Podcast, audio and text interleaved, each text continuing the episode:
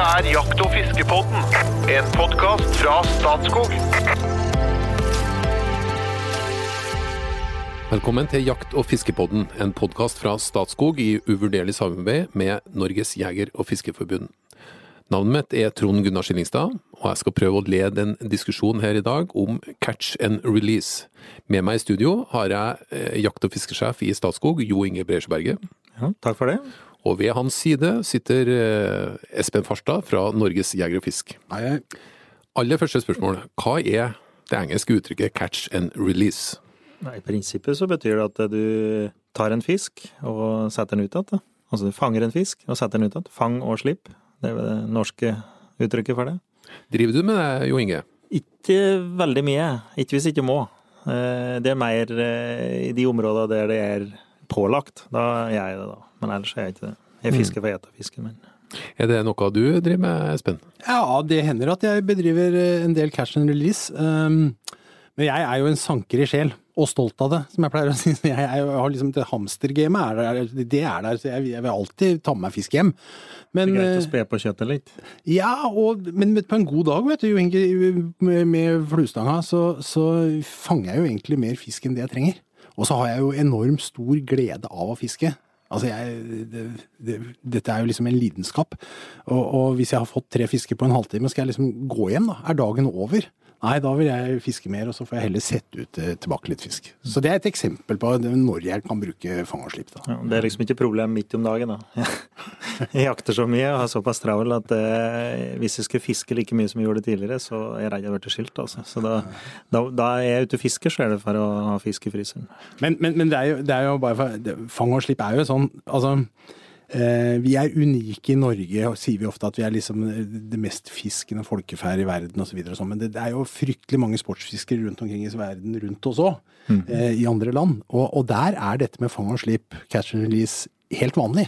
Ja, for det er lurer jeg på. Det er regelen. Det er, et, det er jo et engelsk uttrykk som vi bruker, catch and release. Altså er det kanskje ikke sånn nedarv i den norske kulturen. Det, det, det kommer fra den plassen. Hvor kommer det fra? Nei, det, det kan du si. Altså, det kommer fra eh, Du kan jo liksom Motivet for å drive fiske kan jo være ulikt. Vårt motiv har tradisjonelt vært å høste av naturen. Vi skulle ha mat. Så det er jo det er ikke noe tvil om. Den er på en måte Og det, bare for å ha sagt det, det er- skjønner det alle. Det skjønner alle. Ja. ikke sant? At det å hente seg ut fisk eh, for å ha det som mat fra naturen, ja det er fint. Det er kortreist, og det er økologisk, og det er en riktig bruk av naturen. Så er- her er alt bare bra. Men så er det en annen side ved, ved fiske og da kommer jo begrepet sportsfiske inn. Det er jo en sport i dette, og vi gjør det jo også fordi vi syns det er moro, og vi har glede av det. Og det å være ute og fiske. Og så har jo dette kanskje tatt eh, overhånd noen steder, hvor, hvor selve motivet blir sporten.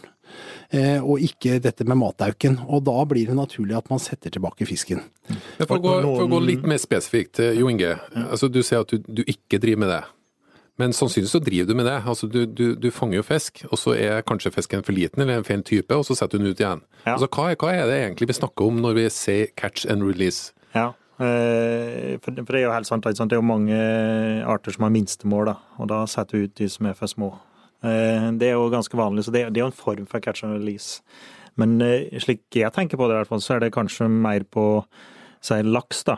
Eh, og edelfisk, og det, det begrenser mange laks vi kan ta opp. Eh, har på svekkede bestander, og så er det et forvaltningsgrep. Så i stedet for å ta opp mange laks og for å ete dem, så slipper de ut igjen, øker gytebestanden, og flere som kan fiske på samme fisken. Da. Eh, Det er jo mer det tradisjonelle. Eller nå i dag det spesialiserer på stor ebber eller gjedde, f.eks. Og så setter du ut at de for at de har høye kvikksølvverdier, du kan ikke ete dem likevel. Og det er fiskespisere. Det, det kan òg være en et motivasjon, da. Så eh, ja. Ja, det, men dette er komplekst, ikke sant? Altså, for Ja. det er mange sider av dette. Og jeg tror det er viktig å, hvis vi skal rydde litt i begreper og rydde litt i huet her, i forhold til hvordan skal vi tilnærme oss dette, så må vi, må vi inn på den derre motivbiten. Altså for dette er sånn. Fordi at hvis det er slik at vi har en laksestamme i en elv som egentlig ikke tåler å fiskes på, fordi den er så svak, ja, da blir det for meg veldig feil å stå der og fiske og leike med den og slippe den ut igjen. Sant? det er helt enig om. Og fordi vi, vi alltid har en viss form for dødelighet og sånn. Og, ja. og det har jo også noe med kunnskap hos fiskeren. Hvordan behandler man fisken og alt dette her. Så det, det er mye som spiller inn her. Men det å, det å liksom Altså, en bestand som ikke tåler fiske, skal ikke fiskes på. Sånn er det. Men og så kommer mennene, ikke sant. Så fins det nyanser her, for dette er ikke helt svart-hvitt. Det fins nyanser av grått her. Hvis du står i en elv hvor bestanden for så vidt tåler at du tar ut noe, men kanskje ikke for mye, kanskje man skal begrense uttaket, rette uttaket som vi sier, sett tilbake hunnfisken. For den er mer verdifull for kommende generasjoner, og så kan du ta ut noe hannfisk og ta med hjem og lagre en røkelaks. Ja. Eller du- du fisker sjøøre og tar en laks, da. Ikke sant. Ut. Ja. Dette er jo vanlig i trønderelvene, hvor sjøørreten nå er freda, men hvor man kan fiske laks. Hvis du da får en sjøørret, så setter du den ut. Det er også en form for cash and release, ikke sant? Så da bruker du det som et forvaltningstiltak. Men, men motivet må være at vi har et, et utgangspunkt som lar seg høste av. Og så eh, kan man da bruke dette til å fininnstille på en måte forvaltningen av en art i en elv, f.eks. I skotske laks er det så er det helt vanlig. Altså alt fiske. Eh, catch and release. Og, og det jeg tror, For at skal vi ha den der aksepten for fiske i, eh, i Norge, da, liksom, vi har en ganske høy standing for det, så, og vi har mange bra fiskevann. Vi har langt de fleste vann og de fleste arter tåler den beskatningen. Og da er ikke det nødvendigvis et tema. Men, men jeg ser jo det, hvis, ja, du ser på YouTube eller sosiale medier, så er det veldig mye fokus på fang og slipp. Ja, det, det, er jo, det er jo blitt sånn at mange har jo dårlig, ja, er, du har jo dårlig samvittighet hvis du slår i hjel en fisk til middag. Ja. Og sånn skal det ikke være, altså. Nei. Sånn, skal, sånn må det aldri bli. Jeg, jeg, jeg har jo opplevd folk som står og fisker sjøørret nede i Oslofjorden, og så får de en fin sjøørret, og så setter den ut igjen. Og så, Jeg spurte en fyr om dette her, og sier jøss, skal du ikke ha han til middag, liksom? Nei, nei, nei, da, jeg, han, da spiste han laks. Og du vet at Hvis du begynner å tenke litt da, vet du, ikke sant? Altså, da, har du på en måte, da vil du heller ha en oppdrettslaks som er lagd med alle de utfordringene som er knytta til det, enn å ta ut et, et produkt som lever i naturen og som er førsteklasses, liksom. Så, så gærent kan det bli. Så da, Da vil jeg opponere. Ja, ja, han fikk ei, fikk ei litt av lekse da fra meg på det, men om han tok det til seg, det veit jeg ikke. Men hvis vi ser, hvis vi ser bort ifra småfisk som man setter ut igjen, ja. eller man tar feil type fisk som man setter ut igjen, man får matfisk, og slippe ut ordinær matfisk. Det fenomenet, kom det med, med lakselorder fra England, eller har det vokst frem i den norske jegerbestanden av seg sjøl? Altså, er det noe importert, eller har det vokst frem hos oss? Ja, jeg, altså jeg tror dette, dette henger jo sammen med eh, lakselordtida, men de slo igjen laksen for så vidt den gangen. Men, men de hadde, gjorde jo dette eh, fordi de hadde tid og penger, så dette var jo en lek. Han kunne det, ja. Er sports, sportsfiske, ikke sant? Altså begrepet sportsfiske kom jo da. Før det så var man jo ute og fiska. Nå drev han plutselig sportsfiske, altså for eh, pleasure, ikke sant. Og så har dette utvikla seg veldig. Eh, og, og, Det er vi importert, vi kan jo si det, da. ja, men, men jeg- altså jeg, var, jeg reiste til Montana i USA. Eh, En stat nord i, i USA, hvor man eh, har noen hundre tusen innbyggere, men hvor det kommer noen millioner sportsfiskere hvert år for å fiske. For det er et fantastisk landskap med mange store elver, og, og det produserer mye. Her driver man altså en forvaltning av elver og vann og vassdrag som gjør at folk kan komme og ha et fantastisk fiske. Utelukkende på selvreproduserende bestander. Altså Man setter ikke ut fisk, man gjør ikke noen sånne kultiveringstiltak, men man har en knallhard regulering av fiske. Og fisket er regulert minstemål selvfølgelig, man tar vare på noen små, men de har jo også maksmål. Fordi de store fiskene som har greid å bli store, de er veldig verdifulle for stammen, så de er holdt utenfor. Så de må settes tilbake. Og så får du kanskje bare lov til å ta to fisk om dagen. Du kan godt fiske mer, men da må du utøve catch and release. Så her har man begge deler. Man kan ta med seg matfisk, men man har et aktivt catch and release-regime i elvene, nøye regulert på strekninger. Og på den måten så forvalter man alt fiske i hele Montana. Og det er et fiske vi egentlig bare kan drømme om. Men det er òg på områder med veldig høyt fiskepress, da. Ja. Ikke sant? Ja. Så eh, mange av våre elver og sjøer det har ikke det presset. Men mange har det også. Ja. Og der ser vi at det Så kommer det den brukes, type regimer. Og arter, da. Typisk, da. Sånn som laks, da. Ikke sant? Laks. Ørret. Ser vi dette kommer. For vi er jo snart ferdig med det å sette ut fisk. Altså, det blir gjort veldig mye kultivering på statsskogsgrunn. De regulante er pålagt i, i konsesjonen å sette ut så og så mange fisk, setefisk.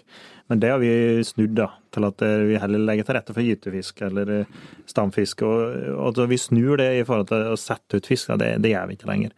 Men jeg tror ikke vi har hatt bedre fisk heller enn det vi har akkurat nå faktisk i mange av våre vann. Så, så, så, her er vi da tilbake og bruker cash and release som et forvaltningstiltak inn i en, en fornuftig forvaltning av, av, fisken som ressurs. Det, det, kommer vi nok til å se mer av. Og så tror jeg det er fryktelig viktig at vi klarer å ha med oss høstingsaspektet i bånn her. At vi ikke Ja, som sagt, vi skal ikke ha dårlig samvittighet når vi slår i hjel en ørret til middag. Nei. Men, men, jeg tror det er litt mer, det er et moderne, forholdsvis moderne begrep. da, og som du du nesten blir uglesett om det du slår i hjel en fisk. Det, det, er jo egentlig en uting, da. For det langt de fleste stammer de tåler det. Det må være der det er nødvendig, på de arter og den eh, grupperingen som det er nødvendig. Hvis ikke så er, skal du ikke ha dårlig samvittighet for å ta livet av en fisk. Nei. Espens fisketips. Skal du prøve en effektiv fiskemetode, så skal du prøve agnfiske. Det fisker ofte best, og du kan bruke mange ulike typer agn, avhengig av hvor du fisker. Mark kjenner alle. Brød kan brukes på karpefisker. Mais likedan. Akkar, maggot, geitost. Det fins ikke grenser for hva du kan agne med. Du kan fiske på bånd, såkalt båndmeite, eller du kan kaste agn, f.eks. en meitemark, og dra den gjennom vannet, eller du kan bruke duppmeite. Uansett, du øker sjansene for å få fisk ved å bruke agn under fiske. Da er vi kanskje ved kjernen av et vesentlig spørsmål, nemlig motivasjon, som du var inne på. Mm. Er det Vi kommer litt tilbake til, for det har kommet på forskning eh, rundt eh, catch and release som eh, forvaltningsmetode. Men motivasjon for å fiske, det er jo da en sportsfisker, sånn, sånn pasjonert fisker som deg, Espen, som liker å stå i elva hele dagen. det er egentlig en sånn drømmeferie for deg, da, da kan du stå og fiske hele tida. Mm. Og så er det jo da levende, levende vesener som får den kroken i seg som du drar opp og stresser noe voldsomt, og så tar du ut kroken og sender dem ut igjen. Mm. Er, det, er, det, er, det, der kjernen ligger til debatten? At du påfører en fisk smerte og stress eh, fordi at du syns det er artig å fiske? Er, det der eh, sam, eh, altså samfunnsdebatten eh, som går? Da må jeg godta premissene i spørsmålsstillinga di for å svare på det, og det kommer jeg ikke til å gjøre. For eh, jeg er ikke uten videre villig til å godta at man påfører fisken smerte. Altså, eh, en gjedde som lever av å spise abbor med spisse finner og gjellelokk og jeg veit ikke hvor du kan stikke deg på en abbor, og er vant til å tygge disse, han bryr seg ikke mye om en krok i kjeften, altså. Og jeg har mange ganger opplevd å få på ei gjedde, og så mister jeg den, og så får hun på neste kastet. Dette skjer hele tida. Så, så, det, akkurat den derre, vi kan ikke overføre Vi må ikke menneskeliggjøre fisken ved å tro liksom at dette er som å få en, en fiskekrok i leppa vår. Det er noe helt annet. Men det er klart, en eller annen form for påvirkning av fisken som vesen, det gjør jo når du fisker. Det er klart. Uh, og det gjør vi jo hele tiden. Altså når vi, når vi, bruker naturen, når vi beveger oss i naturen, samme hvordan det er, så vil vi jo påvirke dyreliv og fiskeliv. Jeg mener at det å kunne høste av naturen, det å kunne være ute og fiske, det å ha glede med fiske, er grunn god nok til at vi skal akseptere dette. Dyrevelferdsloven sa i sin tid at man, man skal ikke plage dyr i utrengsmål. Og det sa ikke at man skal ikke plage dyr. Punktum. Man skal ikke plage dyr i utrengsmål. Det betyr altså at man skal ikke plage dyr unødvendig. Og hva er nødvendig? Ja, det å opprettholde en jakt- og fiskekultur hvor vi høster av overskuddet i naturen, det er veldig nødvendig, spør meg. Og i det så ligger det da at vi også må akseptere sportsfiske. Og når det er sagt, så skal vi selvfølgelig ha respekt for fisken. Vi skal ikke plage fisken unødig. Og vi skal behandle med respekt. altså Det har jo noe med tilnærming til naturen å gjøre også.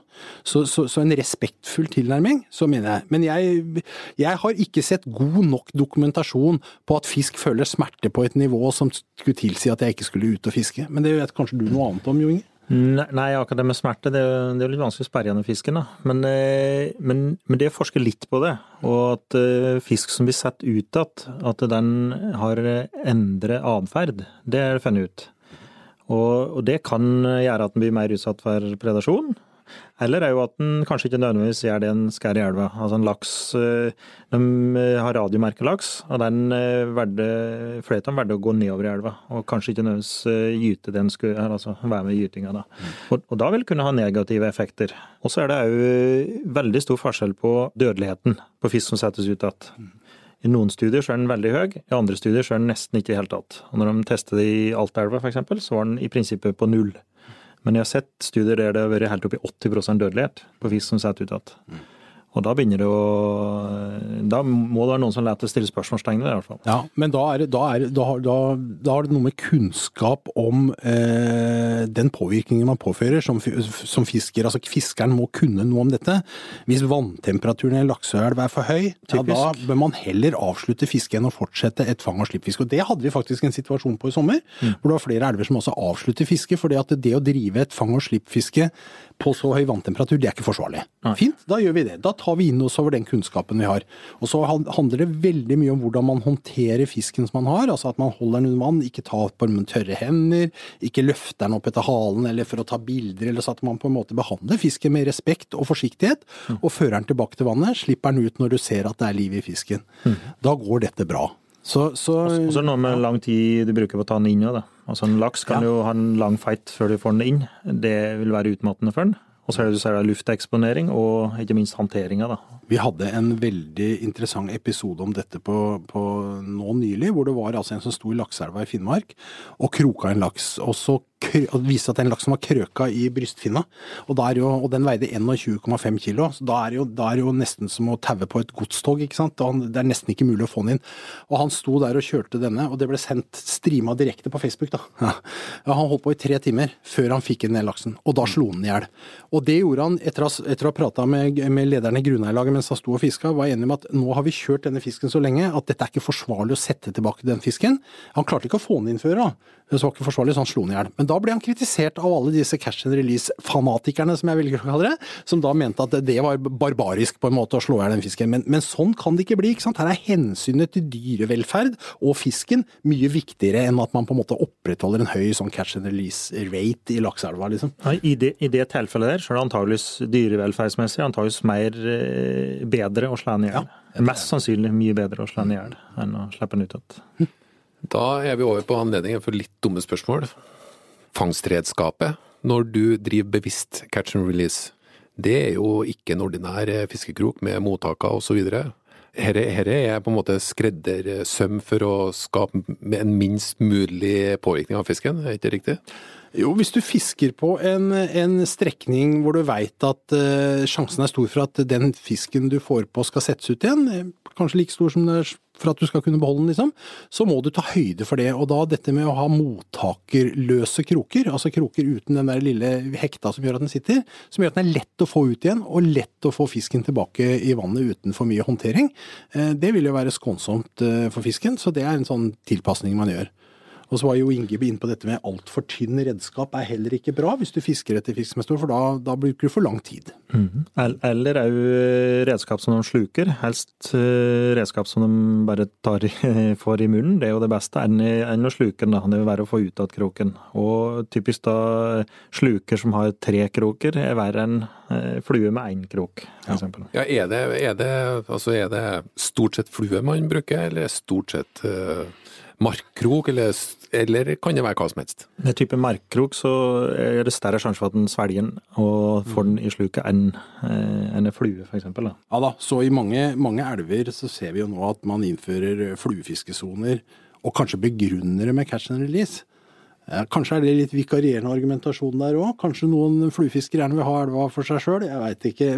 Men det er klart at har man lagt opp til et forvaltningsregime i en elv hvor catch and release er en viktig verktøy i forvaltningen, så må man ta en del hensyn. At det da f.eks. kommer et markforbud kan være fornuftig, fordi at eh, en mark vil, som Jo Inge sier, bli, bli ofte nede i svelget. Og det er jo sånn selv der hvor det har cash and release som regel, hvis du tar opp en fisk og du ser at den blør f.eks. fra gjeller eller noe sånt, ja, så slår du den i hjel. Hensyn til fisken kommer først.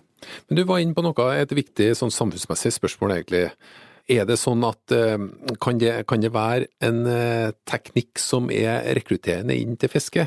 Det at du har anledning til å drive mer sportsfiske, kan du si da, med den teknikken her? Ja, Godt spørsmål. Vi har jo eh, et par hundre sånne fiskesommerarrangement for unger om sommeren rundt omkring på kaier og brygger over hele landet. Eh, og, og der prøver vi å lære ungene at når du får en fisk, så kan du ta vare på den og ta den med hjem og lage mat av den og alt mulig sånt. Men det settes jo også ut en god del igjen. Så for oss er dette blitt en del av hverdagen, kan du si. Om det er spesielt rekrutterende å skulle liksom innføre noe cash and release-fiske, det Nei. Jeg jeg setter litt på TV-en, ikke sant. Og, og, og noen som har drevet med det, da. De fisker rundt omkring, og så setter de ut fisken igjen. Og det er klart, da er det ganske kraftig eksponering, f.eks. gjennom NRK. Og det, det var det jeg lurte på, om det har noe Altså Det vi ser er at lager du en NRK-produksjon som er ganske kostbar om fiske, så vil du gjerne prøve å få ha en flerbruk av den produksjonen, selge den til utlandet. Du får ikke solgt fiskefilmer til utlandet hvor du slår fisk i huet. Nei, ok. Men i Norge så er dette heldigvis fremdeles en del av hverdagen, og det tror jeg vi skal tviholde på. Men, men jeg har møtt den faktisk på når vi skulle lage filmer om fiske og sånn, liksom at da, da blir det ikke snakk om å sitte og ete noe ihjelslått laks på elvebredden, liksom. Dessverre. Og jeg syns det er trist, når vi har havna der. Marias jakttips. Er du giddaløs, prøv posteringsjakt. Sjøl for ihuga friluftsfolk så kan tanken på å gå ut av og til sitte veldig langt inne. Kanskje er du trøtt og sliten etter jobb, skole, ei lang uke, eller mo i kroppen etter et strabasiøst uteliv dagen før. Det som jeg gjør da, er å pakke med meg hagla, en termos med te eller kaffe, kanskje kveldsmat og et sitteunderlag for å sette meg pal ned og vente på viltet. Er det kaldt, tar jeg med meg en fjellduk for enda mer kos. Postering etter ender, for eksempel, er fint å gjøre den siste timen eller to før det mørkner, og da er det i tillegg ofte et magisk lys i horisonten. Lokaliser tjern eller andre våtområder hvor endene kommer seilende inn for natteopphold, og sett det der. Nyt stillheten mens du lytter etter vingesus i lufta, og med sansene skjerpa mot solnedgangen er det den beste gullrekka, og du går hjem metta på gode opplevelser, uansett kjøttfangst. Du angrer aldri på en tur ut. Skittjakt! Statskog har jo hundrevis, kanskje tusenvis av vann. Veldig mange elver som det er mulig å fiske. Hvordan er det, har, har Statskog noen begrensning på fangstmetoder osv.? Eh, nei, det er bare helt lokalt. Og da er det typisk vi er med i et elveeierlag eller med eh, en jeger- og fiskeforening, at det er et spesielt opplegg. For eh, det er typiske elv, da. De fleste vann så er det ikke det. Vi har over 60 000 vann på vår grunn. 61 000, tror jeg faktisk, når vi telte sist. Eh, Så det er forholdsvis lite fang og slipp på våre vann. Det er det. Og det er sikkert noen som kritiserer oss for det òg. Men, men hovedbolken er, eh, er fiske til egen bruk, altså matauk, og så er det enkel tilgang, da. Sånn, Men det er ikke noen regel fra Statskog som sier at du, altså på ordinære fiskevann, at du ikke kan slippe ut fisken igjen? Nei, da er det Du- du typisk minstemål, da. Minstemål eller maksmål. Det kan jo være, da. Men, men ellers er det jo ikke det, nei. Er det ulikhet på dette rundt omkring i landet? Eh, catch and release, er det mer populært eh, enkeltsteder? eh? Ja, det, det, er, og det, det er egentlig ganske interessant. Altså, um, meitefiskerne, altså de som, de som meiter etter litt sånn der karpefisker og abbor og gjedde, og liksom de østlige fiskene i Norge, da, det som er i Øst-Norge og deler av Trøndelag, Finnmark, de har jo alltid sluppet ut fi- fisken igjen. De har jo drevet med dette hele tida. Og er, det henger jo litt sammen med at matverdien i en vederbruk er ganske dårlig. Det smaker visstnok som bomull med knappenåler i, har jeg hørt. Så det, det er ikke godt.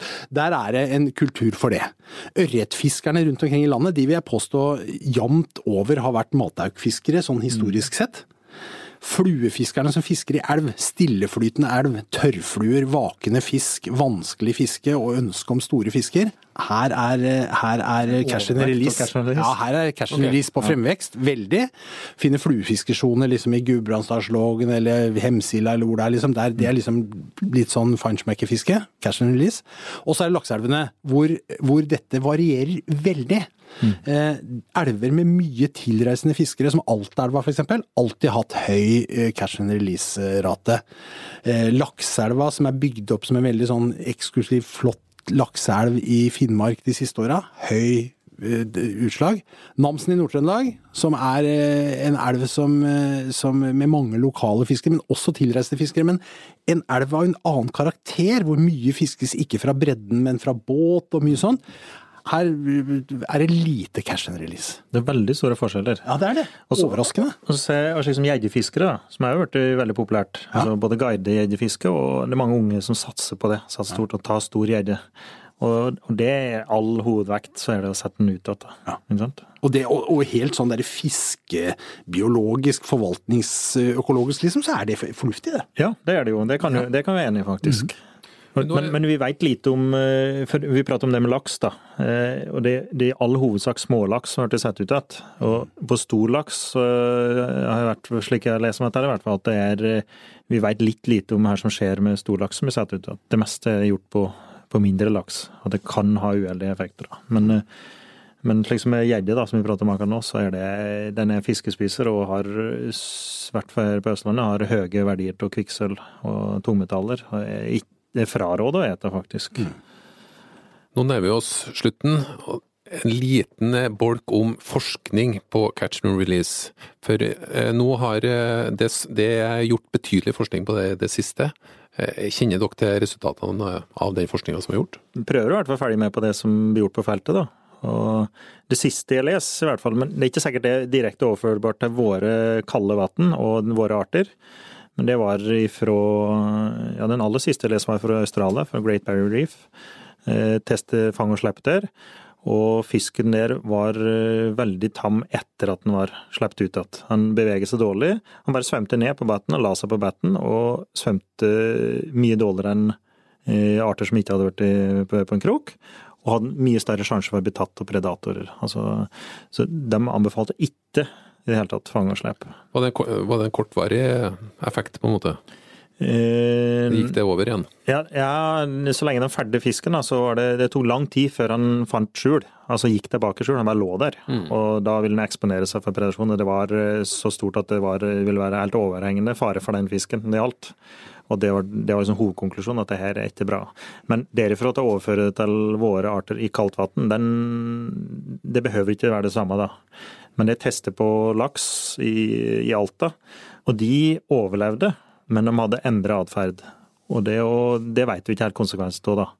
Altså, får de gjort det de skal? Er de på yteplassen, eller bare reiser de ut igjen? De, de valgte faktisk å gå nedover i elva, de flerte flere av fiska der, da. Og det vet vi heller ikke er konsekvensen av. Mm. Nei, for hvis du tar livet av eh, fisken når du tar den, så er jo dødeligheten 100 Mm. Den er jo sannsynligvis eh, på et eller annet nivå lavere da, med, hvis du slipper den ut igjen. Men der har nok du som eh, pasjonert fisker satt deg grundig inn i, Espen. Ja, men altså, dette, dette er jo altså, Selvfølgelig er det sånn at slår du i hjel den fisken, så kommer den i hvert fall ikke til å gyte. ikke sant? Så, så setter den ut, så med, med, om, det, om dødeligheten er en eller annen prosent, så vil det alltid være bedre enn. Men det handler egentlig ikke om det, for det, nå handler det litt om dyrevelferd og litt om respekt for liv, ikke sant? Altså, og, og, Mer fokus på det, mener jeg, da. Ja, jeg mener det er viktigere. Ja, jeg mener det er viktigere enn f.eks. type gytesuksess, men man må jo ta med seg den kunnskapen også inn. Vi skal jo forvalte etter beste kunnskap og best practice og gjøre dette så godt som mulig. Jeg har nettopp vært utenfor Øygarden, eh, eller på Øygarden utenfor Bergen, eh, hvor man eh, har hatt et stort forskningsprosjekt nå gående i regi av Havforskningsinstituttet for å merke makrellstørjer på 300-500 kilo. Vi snakker om virkelig havet storvilt, altså beist uten like. Da bruker man sportsfiskeredskap for å fange disse fiskene. Sette på dem en satellittag og sette det ut igjen. For det sportsfiske er den mest skånsomme metoden å behandle en fisk på når man da skal samle den inn på den måten og sette den ut igjen. Så, så nei, dette med catch and release, det er altså ikke et enkelt tema å diskutere. Det er så mange. Folk har ulike motiver. Altså, Vi skal jo også være klar over at det er klart det er grunneierinteresser her som står på og presser på for å få mer catch and release, for da kan en på en måte selge mer fiske. Og du kan jo kanskje i enkelte tilfeller selge samme fisken flere ganger. Så, så, så det er jo det er mange ulike motiver for dette. Men, men kikker vi oss rundt i verden, så er det ikke noe tvil om at dette er en viktig del av fiskeforvaltninga. Gjort på riktig måte og med et fornuftig to sett med tanker i hus samtidig. Vi skal ta vare på en høstingskultur, og vi skal ha en moderne fiskeforvaltning som ivaretar fiskestammene. Så tror jeg dette egentlig kan være veldig bra. Det, var- det er jo over 200 000 som eh, løser jeger, eh, eller som betaler jegeravgifta per år. Har vi noen formening om hvor mange som er aktive fiskere? Nei, altså vi har Eller flere. Ja, det er mange, mange flere. Ja. Nei, vi har, Det kommer litt an på hvordan du definerer fisker. Eh, vi har jo ikke noe register over fiskere sånn som vi har i jegere, så vi har ikke noe eksakte tall, men det er gjort en del undersøkelser opp gjennom åra. Eh, hvis du spør hvor mange nordmenn det er som fisker én eller flere ganger per år, så er det altså godt over halvparten av befolkninga. Så da er vi 2,5 millioner fiskere, liksom. Og Det er jo unikt, det, faktisk. ja, det er unikt, men det er fordi at når du drar på hytta på Sørlandet, så fisker du makrell, eller du er på Geilo, så tar du en ørretkast. Du er jo ikke sportsfisker av den grunn. Hvis vi liksom begynner å snakke om sportsfiskere, så snakker vi kanskje om en 400 000-500 000 som er dedikerte sportsfiskere, liksom. Men det er fremdeles en veldig viktig friluftsaktivitet i Norge. Men, men var, det ingen, eh, var det ingen undersøkelse som når folk spurte, ble spurt om hvor mye de jakt, nei, fiske, altså fiske ei uke i året, så var det en 600 000 som anslagsvis? Gjorde det? Ja. Og så er spørsmålet liksom, hvor, hvor, hvor setter du grensa for å si hvem er sportsfiskere? Hvor, Ja, ja, ja. Så det blir sånn litt sånn, så det er litt sånn synsing, men også at, Men er det minst dobbelt så mange som jegere, da? Ja, det er det. Så fisking står veldig sterkt i Norge. Veldig sterkt. Ja, det gjør det. Og det er en selvfølgelig del av oppveksten vår. Fremdeles når du ser en skoleklasse på tur, så stikker det Snoopy-stenger opp av sekken. For det, det er på en måte sånn vi bruker norsk natur. Så, Og tenk på de muligheter vi har, da. Kan. Du skal ikke lenge til Danmark før du nesten ikke ser åpent vann. og I Norge så er det jo aldri mer enn 500 meter fra en god fiskeplass. Det ikke det? Det var en usedvanlig god plass å stoppe. Fiske står veldig sterkt i Norge. Takk til Jo Inge Bresjeberget og Espen Farstad. Eh, Takk for at du lytter, og velkommen tilbake til Jakt- og fiskepodden.